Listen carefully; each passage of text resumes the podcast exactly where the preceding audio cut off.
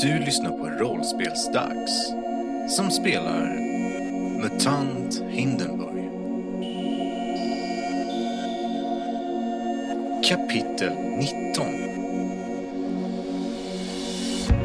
I det senaste spännande avsnittet försökte gänget få reda på mer om vad Bertina Gas hade tagit vägen och vad Lejonorden höll på med. Men de gick och köpte korv hos Joppe och försökte svinga Jack att berätta vad som hänt med Bettina Gas. Det slutade med att gänget gick tillbaka till Cassius och frågade ut honom. Det visade sig att alla som har blivit förhörda tillsammans med Bettina förvaras på en annan ort och att Cassius har lovat att Soja ska få träffa Bettina. Plötsligt blir de avbrutna då steg som närmar sig i korridoren hörs.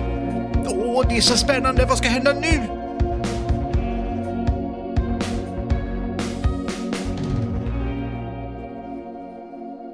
Ni står inne och konverserar med Cassius nere i källaren på Café Kringlan. När ni hör de här stegen som ekar. De här stegen kommer närmre och närmre. Shh, hör ni det? Cassius avbryter sig mitt i sin mening. Alla står på spänn. Är det smygande steg eller... Nej, de verkar gå i normal hastighet. Då är det väl någon som ska vara här, antar jag. Inte... In kommer kejsar Manfred. Va? Va? What? Men kejsar Manfred har inte sina empiriska kläder på sig som ni har sett i porträtt och på statyer. Han har liksom smutsiga, lumpla kläder på sig. Han öppnar munnen och ni känner igen rösten. Ja, upphör! Fluffy kliar sig väldigt konfundersamt i huvudet där. Det pyriska samfundet kräver att ni upphör. Så jag tittar på Cassius och tittar på Manfred. Cassius tittar på Manfred, bugar sig och säger Kejsar Manfred, det är en stor ära att ni gör oss sällskap. Alltså vänta, jag klarar inte det här. Det är så jävla sjukt. Åh gud. Sen så tittar de på varandra och så börjar de brista ut i skratt, bägge två. Både Cassius och Manfred. Cassius skrattar. Nå, mina vänner, låt mig presentera våran gode vän och kompanjon Linus. Va? Cassius har lagt en arm om den här eh, vildsvinsmutanten som han just kallade för Linus. Det är, det är Manfred. Vad håller du på med? Vad är det för lekstugefasoner? Cassius eh, bara skrattar medan Linus tar till orda. Men den här gången med en helt annorlunda röst. Han säger Ja, nej, alltså... Det, det, jag är duktig på att härma, Manfred. Rösten är helt annorlunda mot den inbillade rösten. Ni har nog aldrig kanske hört Manfred prata. Men eh, ansiktsdragen och det här skarpa, barska ansiktsuttrycket som han hade har liksom försvunnit. Och nu ser han lite mer ja, normal ut. Men du sa att vi kände igen rösten. Sa jag det? Ja. Ja, då måste ni ju. Men det är väl kanske inte så konstigt när ni har hört Manfreds röst. Jag tar tillbaks det. Ja, man kanske har hållit tal för folk. Men ja, precis. Men jag tycker att det kanske finns inspelat, att det spelas upp i någon slags radiostation någonstans. Upprepande, indoktrinerande. Ja, precis. Ni känner ju igen hur Manfreds röst är. På det. det finns ju de här... äh, Det finns ju radiostationer och sånt som upprepar tal som Manfred har haft till nationen. Um, men nu när han byter röst så är rösten en helt annorlunda. En helt annan. Så eh, det här... Så jag är uppriktigt lite skakig. Det är inte Manfred, är det... Nej, sa jag, säger Cassius. Det är inte Manfred. Det är Manfreds kopia. Vadå kopia? Jag kommer förklara allt för dig. Ja. Cassius eh, vinkar in eh, eh, Linus och, och några andra av männen. Och Linus går och hälsar på alla andra också. Och det är en familjär ton. De liksom, några kramas och vissa bara skakar hand och ser glada ut. Liksom. Eh, det verkar som att han har varit här förut och är en del av dem.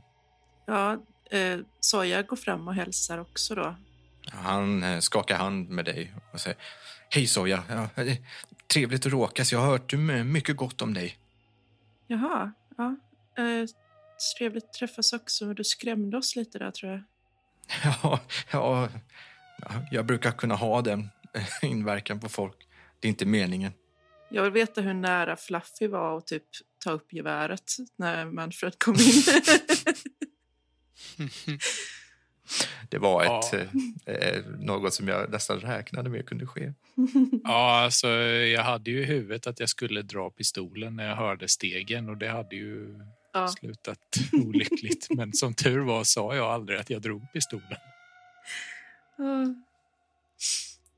När stämningen har lugnat sig lite grann så tar Cassius till orda igen. Mina vänner, det är tid att ni får ta del av en stor hemlighet inom Lejonorden.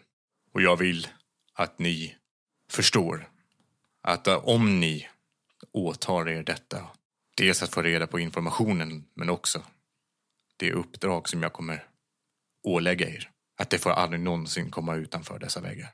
Vadå, får vi inte gå ut ur rummet? Jo, jo. Ja, själva he hemligheten, Fluffy. Ja, ja, ja. ja, hur som helst, säger Cassius. Och han går fram till det här provisoriska bordet och fäller upp en, eh, en karta över Hindenburg. Den visar, det, det är en ganska enkel karta, men den visar upp var diplomatstaden är och de kejserliga palatser och kejserliga distrikten som är ännu längre bort. Den hemliga polisen tillhör... Stor, hela Hindenburg finns ju hemliga poliser, men deras fäste är borta inuti den kejserliga distrikten. Det visar också en eh, grov förenkling över kvarteret Hydran och de andra stadsdelarna. De visar var våldsverkarna och var de tros ha sin, sitt tillhåll ungefär. Det visar också på en del av kvarteret Hydran där ledaren för Niofingerklanen finns. Ser vi var det är någonstans? Nej, den är inte så exakt, utan det här är mer en överskådlig karta. Kanske mer för, förstå, för att förstå hela situationen. Nåväl, låt oss börja då. Vi har en plan för hur vi ska ta över hela Hindenburg. Det är lysande. Min plan är att vi tillsammans ska göra en stor stöt gentemot den hemliga polisen inne på deras egen planhalva. Inne i diplomatstaden. En stöt som kommer bli så stor att den hemliga polisen kommer tillkallas förstärkning. Och inte bara att de kommer tillkalla förstärkning utan även att de kommer utlösa kod lingongrova. Ursäkta mig, Ja, sa jag. vadå lingongrova? Utmärkt fråga. Det är den nödkod som kejsar Manfred själv har instiftat.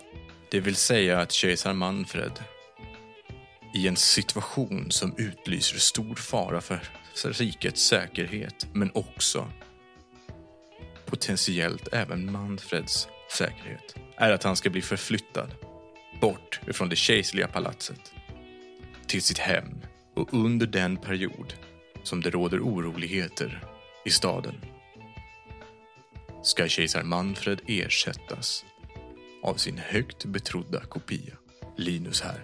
Hej hej, vinkar Linus. Men det känns jättefarligt. Oh ja, det är mycket farligt. Och allting hänger på fullkomlig sekretess. Vår tanke är att vi ska vara den patrull som åker ut som den hemliga polisen och fraktar kejsar Manfred till sitt hem. Sedan gör vi oss av med kejsar Manfred.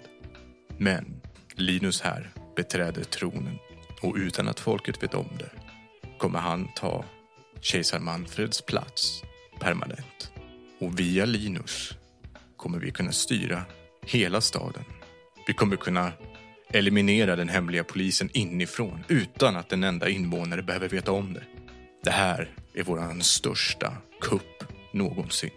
Men för att kunna fullgöra denna plan behöver vi folk och vi behöver mer resurser.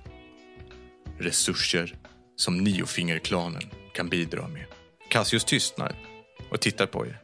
Jag fattar inte. Ska han... Ska han... Ska han den där bli ny kanvasdiktator? Säger Fluffy och pekar på Linus.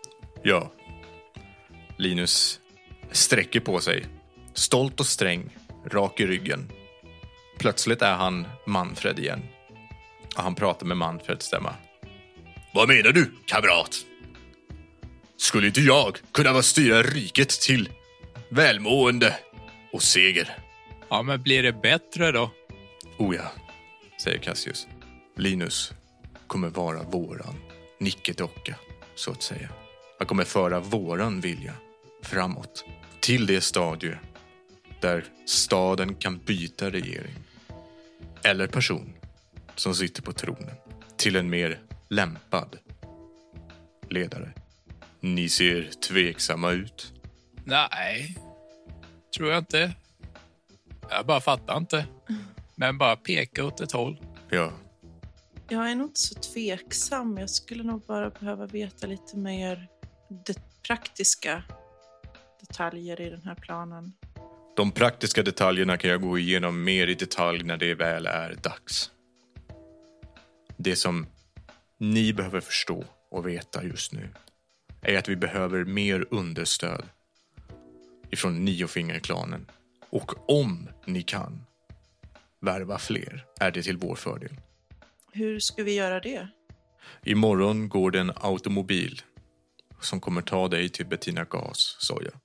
Så jag nickar. Under tiden som du är borta har jag ett uppdrag till Fluffy och Laxen. Jag vill att ni försöker ta kontakt med Niofingerklanens ledare. Jaha. Laxen ser en aning besvärad ut. Men säger ingenting. Hörni, är ni med på det här? För jag måste ju sticka iväg imorgon. Så jag säger det här lite, lite tyst, lite utanför den stora gruppens hörhåll. Laxen tittar både på Soja och på Fluffy för att se om, om det finns någon reaktion och sen nickar. Bra. Jättebra, laxen. Ja. Ja, varför inte liksom? Vi ska väl ha något att göra. Eller hur, laxen? Knuffa lite på honom. Laxen, laxen blir lite obekväm. Laguna Frid. Det är namnet på Niofingerklanens ledare. Var, eh, var kan vi hitta henne? Det vet jag inte. Laguna är mycket duktig på att hålla sig undangömd. Jaha. Ja, ja, men- ja, men så här då. Man är ju inte begåvad med världens mest välsmorda munläder. Vad är det meningen att jag ska säga till henne? Säg det som krävs. Få henne att förstå att hon kan vara med och göra en skillnad. Att skapa rättvisa för hela staden Hindenburg. Skapa förändringen som vi alla har drömt om. Jag undrar ju om den där fähunden är så intresserad av det egentligen. Så jag skriver ner de orden lite fint på en lapp och ger till Fluffy och laxen så de kan komma ihåg. Så vi går in till en gangsterboss, bara håller upp en lapp, så jag läser till. Jag vill att ni gör det som står i er makt. Att få henne att hjälpa till. Vad det kan vara vet jag inte. Vi får alla försöka. Ja, Eh, herr, Cassius, ja laxen. hon kanske vill ha någonting av oss. Vad, vad, vad kan vi erbjuda? Ja, Jag har 17 krediter. Vi har ingenting av materialistiskt värde. Däremot har vi ett stort kontaktnät. Vi känner mycket folk. Och tvivelsutan är det människor som hon skulle kunna ha nytta av i sina affärer. Jag eh, stödjer inte nödvändigtvis de verksamheter som hon bedriver. Men jag vore en dåre om jag inte respekterade de resurser och människor som hon har förfogande över.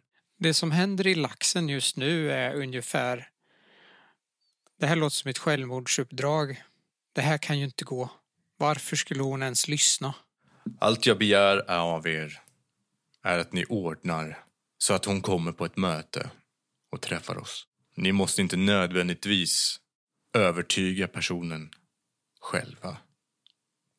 I bästa fall kan jag försöka påverka henne. Ja, men ett möte ska vi kunna fixa. Och om ni kan göra några andra handlingar eller säga något annat som kan mjuka upp det mötet, ja, ni förstår vad jag menar, så är det till vår fördel. Det är vad jag önskar att ni gör imorgon. Laxen tittar på Fluffy. Fluffy nickar. Klappar lite på laxen.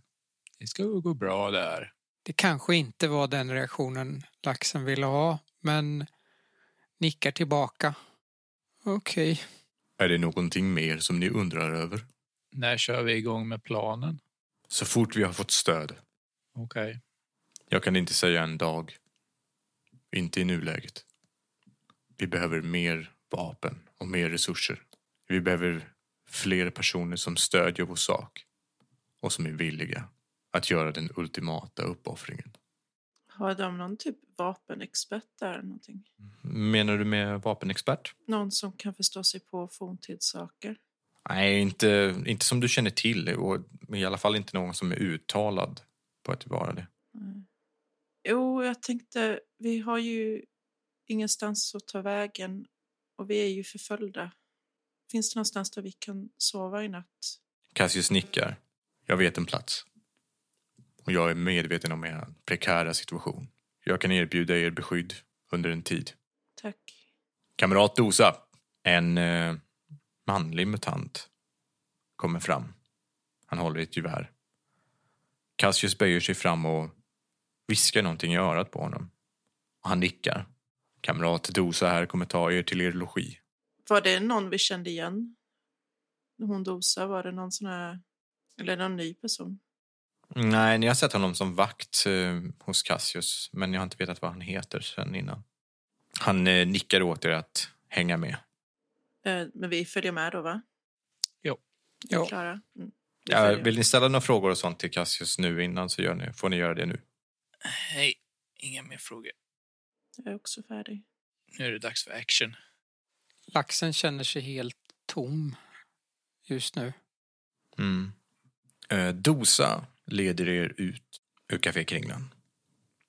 Han ser till så att ni inte syns när ni går därifrån och eh, han har en väldigt tyst gång när ni går längs med kullerstensgatorna i mörkret. Han leder er ner till hamnen och ni märker att han går mot några av de här riktigt gamla forntidscontainrarna som stod nere i hamnen.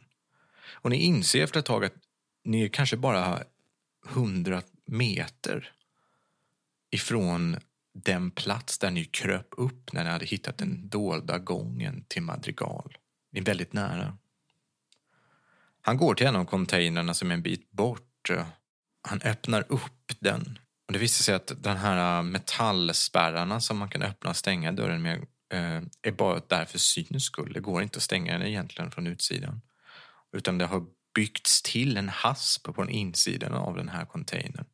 Inne i den här containern så finns ett litet eh, provisoriskt hop eh, eh, plockat eh, spritkök. Kan man säga det? Det heter det va? Ja. Ja, det Så det går att laga mat där inne. Det finns också fyra stycken bäddar. Och en sån här oljeelement som det eldar i, vill jag minnas. Och så blir de jäkligt varma så de är som ett element fast utan el eller någonting. Jag vill minnas att det går att elda i de här. Ja, men jag, jag tror jag vet vad du menar. Oljeelement. Ja, det är ett eh, oljeelement där inne i alla fall. Och så ett litet hål så att syre, ja, så att det inte kvävs där inne av eh, när ni eldar. Mm. Men det skapar liksom ingen rök. Han nickar åt er. Tack. Tack så mycket. Han nickar igen. Han säger ingenting. Vad... Ska vi komma till Kringlan imorgon förresten? Dosa tittar på dig. Han rycker på axlarna. Han öppnar munnen och visar att han har fått tungan utskuren. Jag är ledsen att det hände dig. Han skakar på axlarna som att det är länge sedan. Han ler lite, lägger båda händerna vid kinden som att du ska sova. Och så gör han tummen upp och går. Godnatt. Han vinkar. Okej, men eh, var det underförstått att de skulle hämta upp mig? Eller? Jag fick panik nu. Antagligen. De vet ju var du sover någonstans. Ja, okej, bra. Hur mår ni? Vet inte riktigt. Ja, mår rätt bra. Tackar som frågar. Ja, vad bra. Jag tycker det här är lite förvirrande. Hur menar du? En- En person som liknar Manfred dyker upp sådär. Mm. Lejonorden vill att vi ska ta och förenas med gangsters. Jag vet inte. Det känns inte riktigt bra. Det blir nog bra i slutändan ska du se. Du får göra som jag, du får inte tänka på det så mycket. Bara gör det de säger till en så blir det bra. Det är en plan för en faktisk förändring. Det skulle kunna leda till någonting bättre. Jag, jag vet ju inte någonting om Niofingerklanen. Skulle det vara bättre med, med dem? Ja, men tänk hur bra det skulle vara om vi hade haft ett Hindenburg utan hemliga polisen och utan eh, korrupta poliser som går runt och plockar folk och utan det förbaskade kriget. Det är en chans att få allt det där att sluta. Mm. Ni har säkert rätt. Men det är otäckt. Och så här är det laxen. Om du får en chans i ditt liv att göra en riktig förändring till det bättre för många så måste du ta den.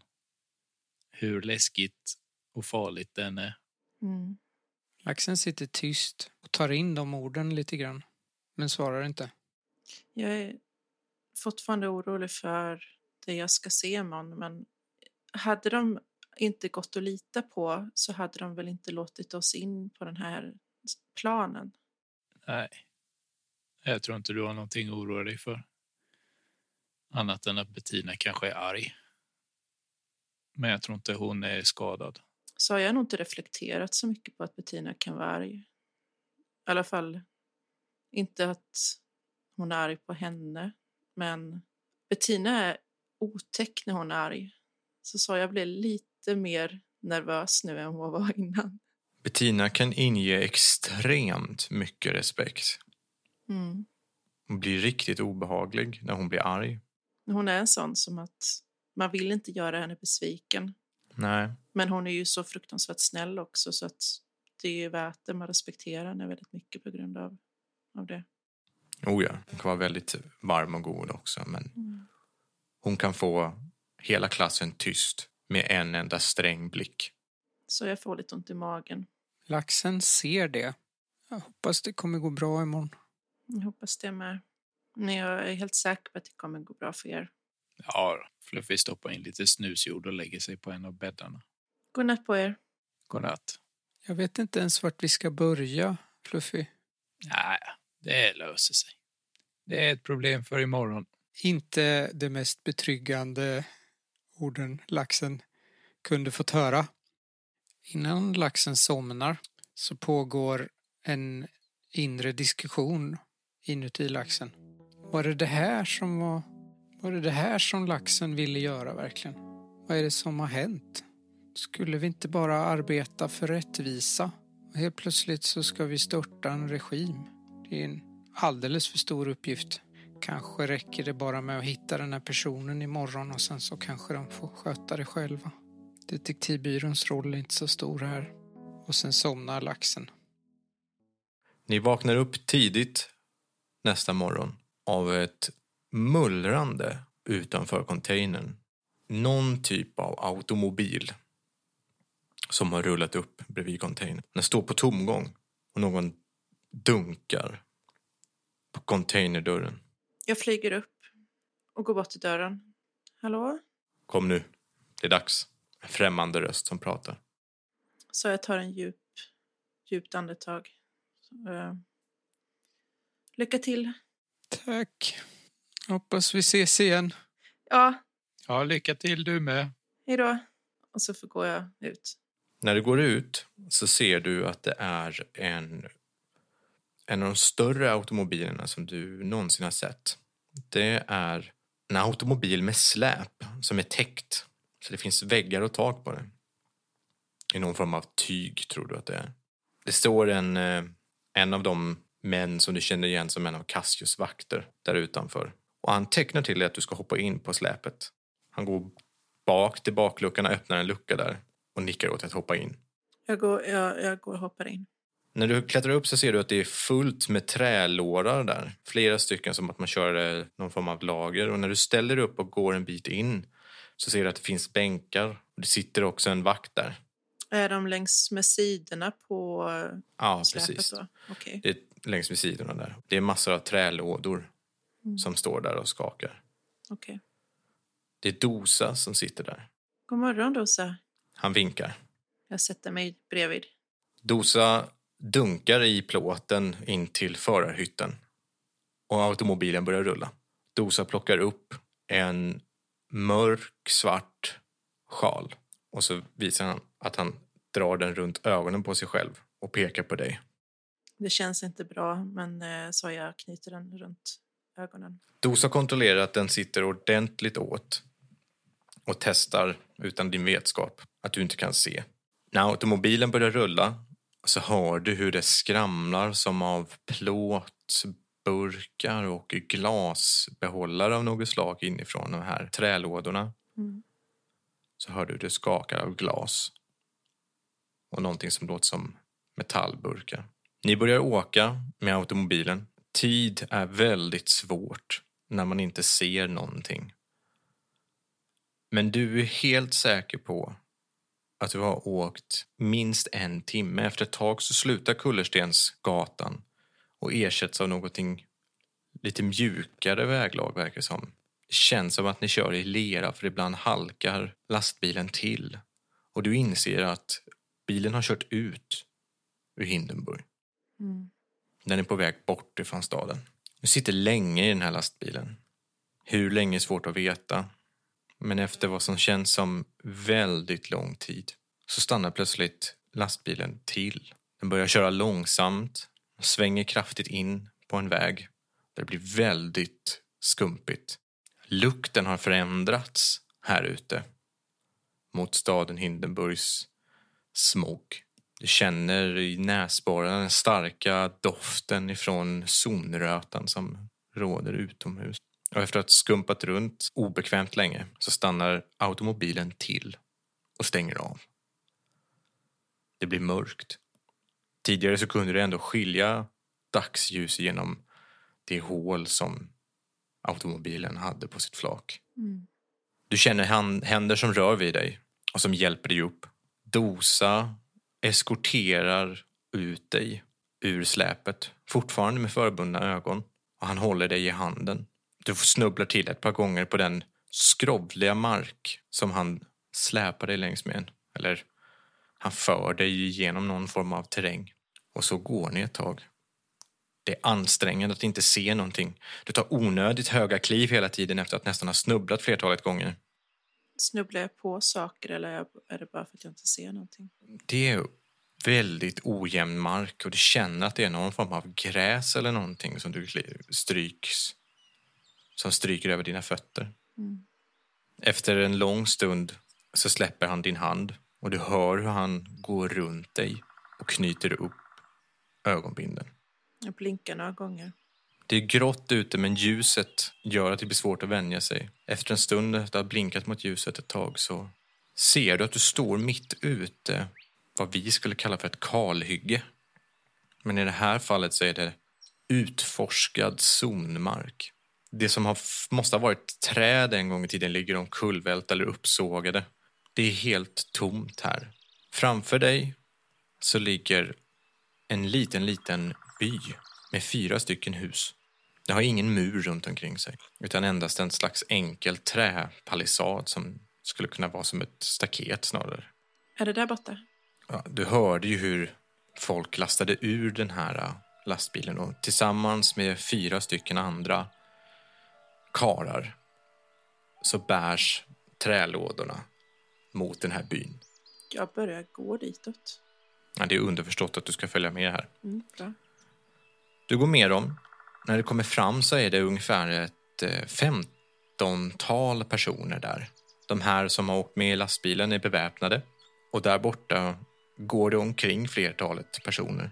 En del kommer fram till de som bär trälådorna och hjälper till.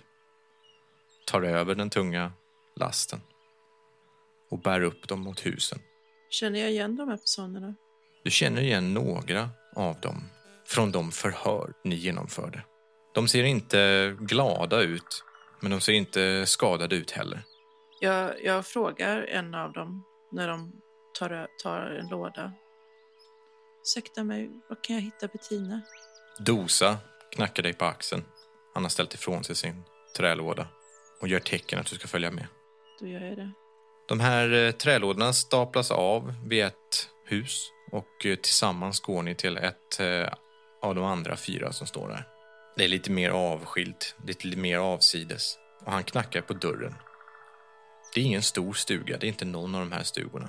Efter en stund så kommer det en vakt, en grävlingsmutant som öppnar. Han har en strut på huvudet i aluminiumfolie.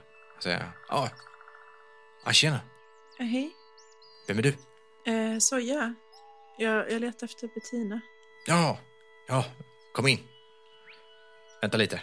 Han eh, sträcker sig efter någonting på insidan av eh, huset och räcker dig en eh, foliehatt. Du måste ha de här på dig.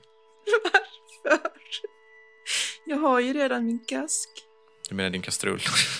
Ja, jag har ju redan min kastrull. Ja, okej. Han... Ja, jo, i och för sig. Ja, men, ja, order är order. Nåväl. Soja tar av sig sin kask och sätter på sig foliestruten. När du går in så ser du att eh, rummet är... Det är bara ett stort öppet rum. Men det är avskilt med galler i mitten. Och i de här gallren så har det blivit två stycken rum. Tänk dig ungefär som en sån här sheriffängelse i, i, i vilda västern. Det är Mm. oftast ett, del- ett stort rum som man delat in det med galler så att det är två celler. Mm. Och samma sak är det här inne. Direkt till höger så står ett bord där det sitter två vakter och spelar kort.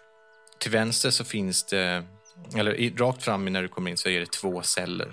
Där- Till vänster så sitter Bob Clyde, den bekräftade hemliga polisen, agenten.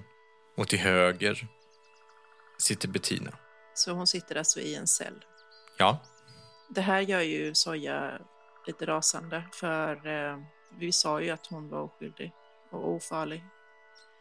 Men eh, hon, hon, hon, eh, hon skyndar fram dit ändå. när hon, eh, Bettina ser att du kommer springa så reser hon sig upp och säger Soja, vad gör du här? Hur mår du? Det är ingen som pratar med mig. De får inte prata med mig. Är det det de här strutarna är för? Hon skrattar kallt. Ja, de tror att det hjälper mot oss psi-mutanter.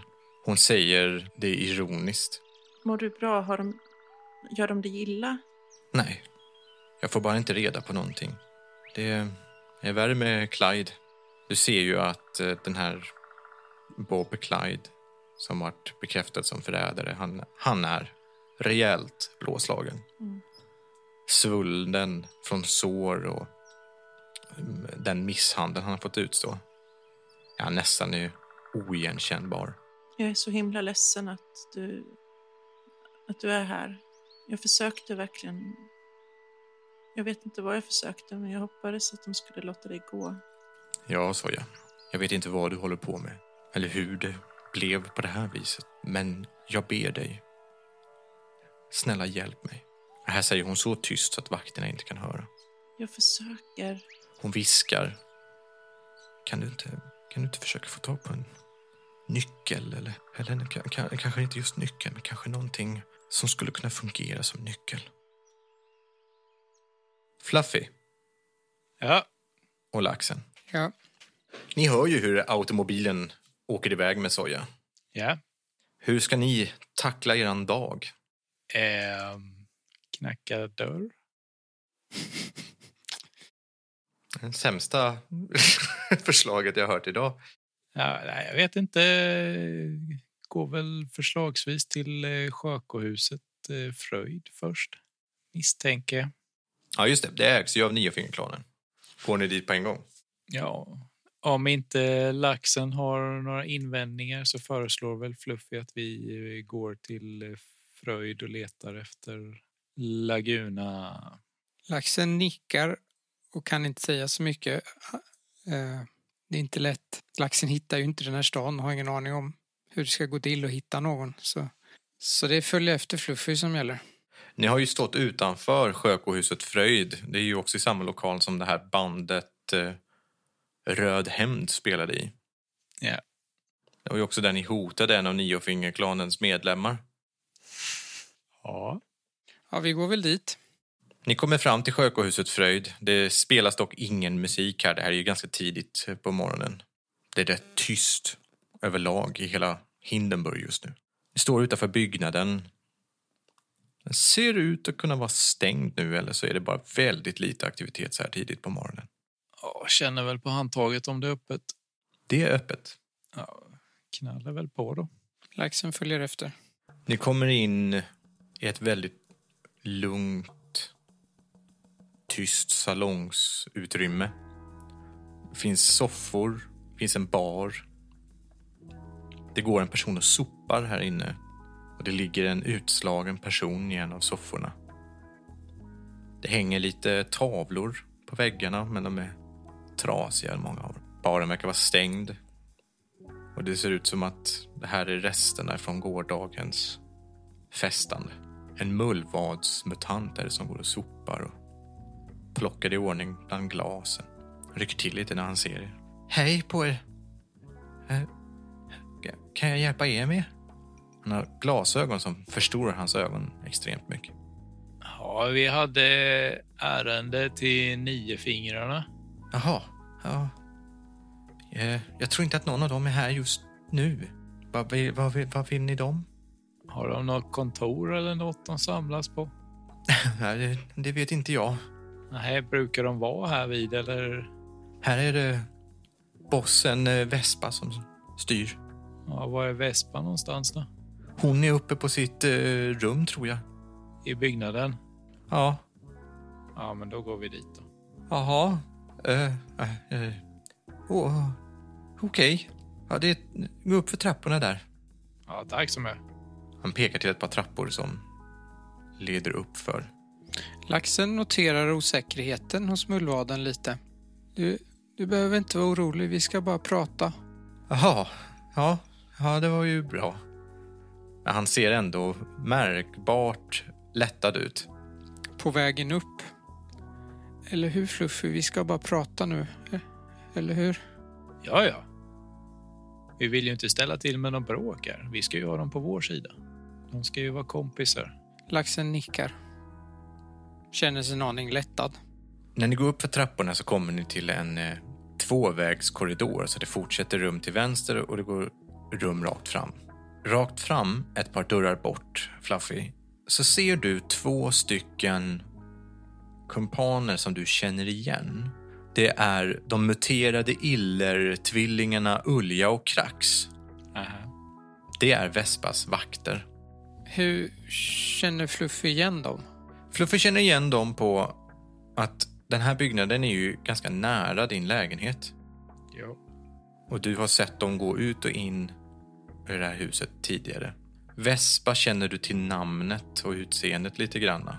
Men du vet vilka de här två Iller-tvillingarna är. De har ett otäckt rykte. Ja, jag också. Det har du också förvisso. De tittar upp på er när ni kommer. Ja, vinkar vänligt åt dem. Hej, hej, hej.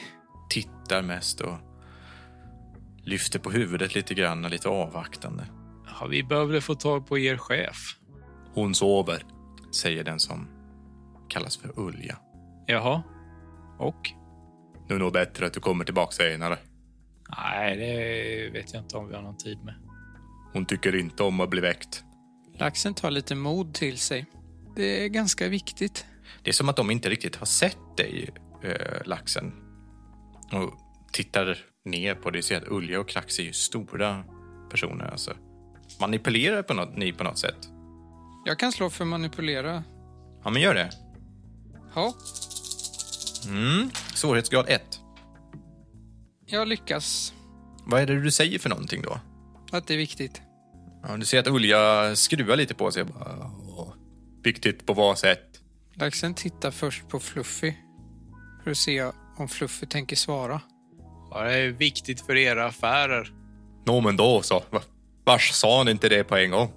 Ulja öppnar dörren försiktigt och tittar in och håller upp handen till er för att vänta lite och går in. Ni hör dämpade röster där inifrån och sen ett eh, högt skrik från en annan person. Ulja skyndar ut igen och smäller igen dörren efter sig. Ja, hon, eh, hon tar emot er om två minuter. Jaha. Och sen går Ulja iväg. Bara Krax står kvar och ser lite förvirrad ut. Ni eh, väntar två minuter, eller? Jo. Ja, Ni hör sedan ett... Eh, ja, men kom in då! Ja, vi går in. Laxen håller andan och går in. Ni kommer in i ett stökigt rum. I det här rummet så ligger det flaskor, kläder, prylar lite här och där. Det är jättestökigt. En säng som är väldigt obäddad och det ligger massa kläder överallt runt omkring på den också. En stor, muskulös kvinna som inte har några kläder på sig på överkroppen. Sitter i sängen och på nattduksbordet ligger det en pistol. Och vad kan jag hjälpa er med då? Jo, vi har blivit utskickade för att eh, få tag på Laguna. Vespa tar på sig en t-shirt. Och vad får er att tro att jag skulle tala om vad hon är? För det ligger i ditt intresse. Vem sa det? Och sen vänder hon sig om och tittar på lilla laxen som står bredvid den ganska stora Fluffy. Antagligen bakom, men... Vem är du? Hej, hej. Laxen heter jag. Hej laxen. Men nu är det så här va. Laguna tycker inte om att man stör henne. Hon har en väldigt mörk röst. Inte ens för eh, en, eh, ett potentiellt Hindenburg utan poliser. Hon tittar på dig en stund och börjar skratta igen.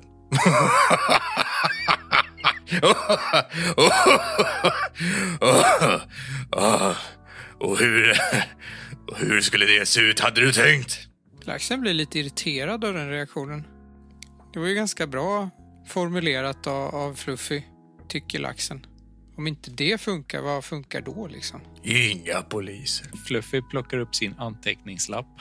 Jo, eh, jo, vi har en plan.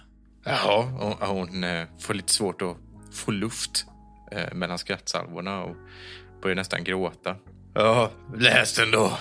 Jag läser upp lappen eh, som var det Cassius sa. Och hon börjar skratta ännu mer. Ja, det låter vackert det där du. Men föga realistiskt. Vi har inte sagt vem som har skickat oss, va? Nej. Nej. Laxen vänder sig mot Fluffy. S- ska vi...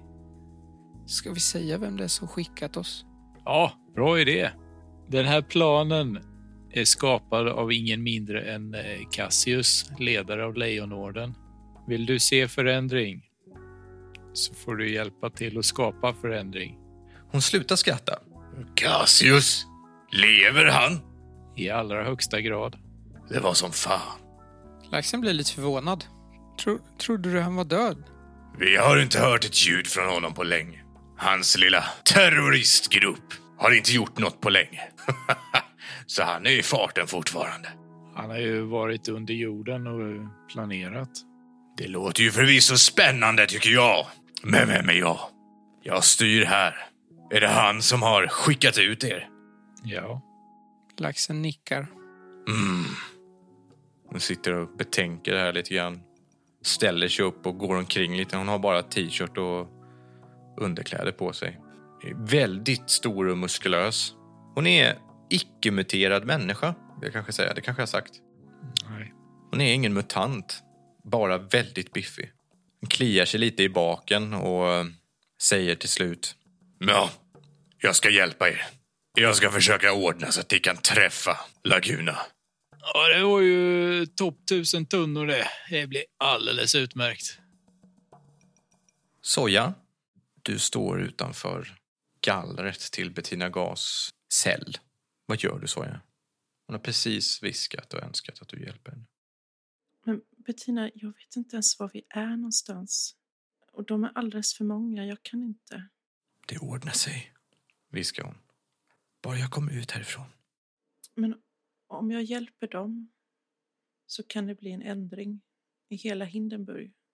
Och då kan jag få ut dig också. Och Vad för ändring? viskar hon. Vad skulle det vara? allting, allting kan ändras. Allting kan bli bra igen. Men då måste jag hjälpa dem. Åh, kära barn. Vad är det de har lurat i dig? Jag kan inte berätta någonting. Bara få hit en spik, vad som helst. Så kan jag ta mig härifrån. Hon håller din hand genom gallret. Bara lämna den till mig. Sen klarar jag resten själv. Men jag, jag kan inte. Jag får inte. Hon tittar på dig och hennes ansikte börjar fyllas med tårar. Jag... Jag tror inte att jag kommer leva så länge till, sa jag. Om inte jag får komma härifrån. Så jag, Sojas ögon börjar också tåras upp. Bettina, du måste lita på mig. Hon släpper dig. Snälla, jag ska se till att du kommer härifrån. Vi kan inte göra det på det här viset. Hon tittar besviket på dig. Ja, du kan bara tyda besvikelse och kanske lite avsmak. Jag lärde dig bättre än så här, Soja. Och det här är det värsta Soja har gjort i hela hennes liv. Det är sån fruktansvärd ångest just nu. Det är värre än att typ bli knivhuggen känns det som. Hennes ord kanske gör så ont. Det gör så ont. Men jag biter ihop. Du får vara sur på mig. Men jag måste göra det här för att jag ska kunna hjälpa alla, även dig. Det är lönlöst annars. Gå härifrån, din dåre. Jag kommer se till så du kommer härifrån. Gå härifrån! skriker hon. Och när hon gör det så är det som att benen automatiskt nästan lyder. Du vill springa ut därifrån. Så jag går därifrån. Som att det är en instinkt och bara springer ut ur rummet. Ja, Du står utanför huset. känner mig bedrövlig. Dosa står utanför. Tittar på dig. Ser ni till så att hon har- har det bra? Han nickar tyst. Vi kan åka tillbaka nu tror jag. Han tar upp ett eh, armbandsur ur fickan. Ovanligt fint kanske för en löneslav som er. Och pekar klockan åtta. Jag vill bara därifrån känner jag. Vad är klockan nu? Eh, klockan är ungefär fyra på dagen just nu. Det börjar bli mörkt. Det blir mörkt rätt tidigt hos er. Måste göra någonting. Jag går och hjälper folk med att packa upp kartongen, äh, trälådorna. Mm. Hålla mig sysselsatt för det gör för ont just nu. Du ser ju att det är flera stycken personer runt omkring. Mutanter som icke-muterade som går runt där i sina vardagskläder och ja, gör inte så mycket. Vissa pratar med vakterna som går omkring där. Det är ju nästan bara det här kalhygget runt omkring er. En vakt som håller på och bär eh, trälåda säger ah, tack så mycket för hjälpen. Mm. Mm. Vad, ska ni ha där någonstans? Ja, det ska in här i förrådshuset. Det här vi lagar mat. Okej. Du går in i ett hus där eh, det är som en matsal. Det finns också flera stycken bäddar i ett hörn. Mm. Så här, det är några som sover här också. Men de flesta är inackorderade i de andra husen. Är du okej? Jo, jag vill bara eh, hjälpa till innan vi åker tillbaka. Ja, det uppskattas. Se till om det är någonting som eh, vi kan hjälpa till med om du undrar något. Vi åker imorgon, Allihopa? vi som åkte hit idag. Jaha, åtta på morgonen dagen efter. Shit. Ja, precis. Jaha, jag trodde jag skulle få komma till, hem idag. Nej. Det hinner vi inte med. Vi får ta det imorgon. Jag har sett till så att du har en eh, säng som du kan sova i här borta. Tack så mycket. Vill du göra någonting särskilt nu? Inte precis just nu. Jag tror så jag måste smälta lite situationen. Landa. Han visar dig en bädd som är i närheten av dörren. Så, här kan du sova. Vi har vakter som patrullerar. Jag rekommenderar inte att du försöker fly härifrån. Nej, det ska jag inte. Tack. Jag lägger mig i sängen. Du vilar och mörkret faller. Kanske var det för att du var så fokuserad på andra saker. Men du eh, reagerar på att det är ljust ute efter ett tag. Kanske somnade du till i sängen. Men det finns ett ljus som lyser upp på utsidan. Du ser det genom fönstret. Jag går fram och tittar. Det är några stora strålkastare som lyser upp åt alla håll. Fyra stycken strålkastare som brett lyser ut. Som kastar stora skuggor längs med kalhyggen. Du ser hur två personer går omkring och pratar sinsemellan. Känner jag igen dem som eh, vakter sen innan eller något sånt där? Nej, inte de här vakterna. De verkar jobba här. Ibland går de förbi rummet och du kan höra hur de pratar om vardagliga saker. Ser jag några fler människor? Inne i rummet så har flera gått och lagt sig. Det ligger tre stycken personer och sover där du är. Alla verkar vara vakter. Och det, alltså jag kan se att det är strålkastare. Ja, som drivs av elektricitet. Mhm. Jag ruskar på en vakt. Han vaknar upp, rädd. Hallå? Hej. Vad är, vad är det? Vad är det för ljus? Det är strålkastarna. Varför? Så att vi kan se om det är någon som rymmer. Men de, de borde väl inte vilja rymma? Nej. Men vi måste veta om de går. Vet du när de ska tillbaka sen till stan? Det kommer någonting rebelliskt över hans ögon och säger När rättvisan segrar. Då nickar Soja och säger när rättvisan segrar. Var det därför du väckte mig? Jag var lite rädd att det var någonting när det lyste upp överallt. Och... Ja, du somnade. Vi ville inte väcka dig. Du verkade så trött. Ja. Nej, det är ingenting. Det är ingen fara. Gå och lägg dig igen. Det känns obehagligt när det blir så uppenbart att det är eh, kontroll, alltså när alla är bevakade och vaktade. Men jag vågar inte riskera så mycket så jag går och lägger mig igen. Men du ligger i din säng och ligger och funderar på vad du har upplevt idag. Du skulle ju kunna gå upp och hjälpa Bettina nu. Är det något tillfälle så är det kanske bäst nu. Men den här planen som Soja fick höra kändes, som, kändes ändå som att finns det någon chans att faktiskt göra förändring? Det är ju vad jag vill göra. Ja, Den här planen är en väg dit. Och de här människorna är ju inte skadade, de hålls mot sin vilja men de, är inte, de mår ju bra. ja, Och jag är helt övertygad för tillfället om att om jag kan hjälpa till att stötta Manfred, eller byta ut honom blir det ju, så kommer jag också kunna liksom ställa allt det här till rätta också. För vi vet inte var jag är någonstans och jag vet inte hur många vakter det är, vi vet ingenting. Så ska jag och Bettina springa runt där ute på kalhygget, det går liksom inte. Och vad kommer det göra? Det kommer bara kosta, det kommer kosta allt. Tror Soja på Cassius plan? Hon vill ju egentligen höra mer detaljer, men det hon hörde kändes bra, för det var inte så, vad ska man säga? Planen känns ändå som att man på något vis kan åstadkomma mycket på ett väldigt smart sätt. Ja, Man kanske kan undvika att fler oskyldiga hamnar i kläm. så Soja stannar i sin säng. Med, ja, fast med brutalt mycket ångest över att Bettina sitter i en cell i huset jämte. Fluffy och laxen, ni står utanför en byggnad. En byggnad som ni aldrig har varit vid i kvarteret Hydran. Den är inte jättefin på något som helst sätt. Jag har gått förbi den ganska ofta och inte lagt märke till den särskilt mycket. Vilken? Det är ett, en byggnad som ligger öster om eh, Benders eh, chasar, inte jättelångt bort från drogerhuset. En Mm. lite oansenlig byggnad som ni har gått förbi ofta men inte lagt märke till så mycket. Nu står ni utanför port 3B tillsammans med Vespa. Vänta här! Knackar på dörren. Sen knackar hon igen. Hon blir insläppt och försvinner in. Mm. Det tar ganska lång tid innan hon kommer tillbaka. Till slut återvänder hon. Hon öppnar upp dörren och nickar åt er att komma in. Går in. Laxen följer med. Ni går in i en korridor som ni först tror när dörren har stängts om er att, eh, att ni har gått in i ett helt annat kvarter, en helt annan plats.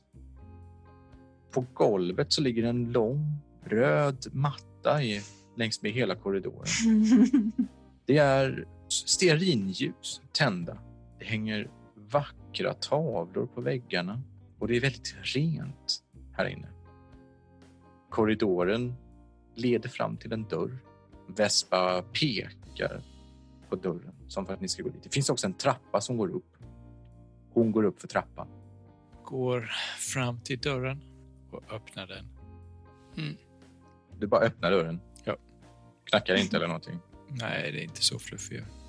i ett stort rum med en stor säng som har liksom gardiner vid sidan om. Bredvid, så man kan göra som en liten fyrkant av, av de här gardinerna. Liksom. Det är fina tecken och fina bäddlakan. Och det finns också ett skrivbord här inne som är mörkt trä.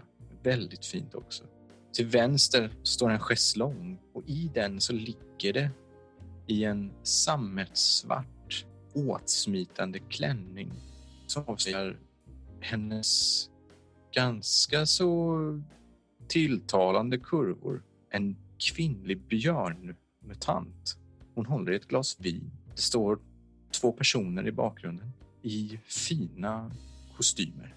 Framför skrivbordet står det två stycken stolar och på golvet täcks det av en matta som är mönstrad. Det hänger tavlor på väggarna. Handgjorda. Det riktigt eh, stinker av eh, pengar. Det närmsta rummet som har varit så här fint var nog hemma hos Astor Bonner, men han hade inte så här fina saker. Det här svarta håret eh, rinner som ett vattenfall nerför axlarna på den här kvinnliga björnmutanten. Hon ställer sig upp med sitt glas vin och går fram mot er, ler väldigt inbjudande och säger Jag antar att det är du som är Fluffy. Nej men hallå. Sträcker fram en, sin lediga hand, skakar handen. Ja. Mitt namn är Laguna Frid.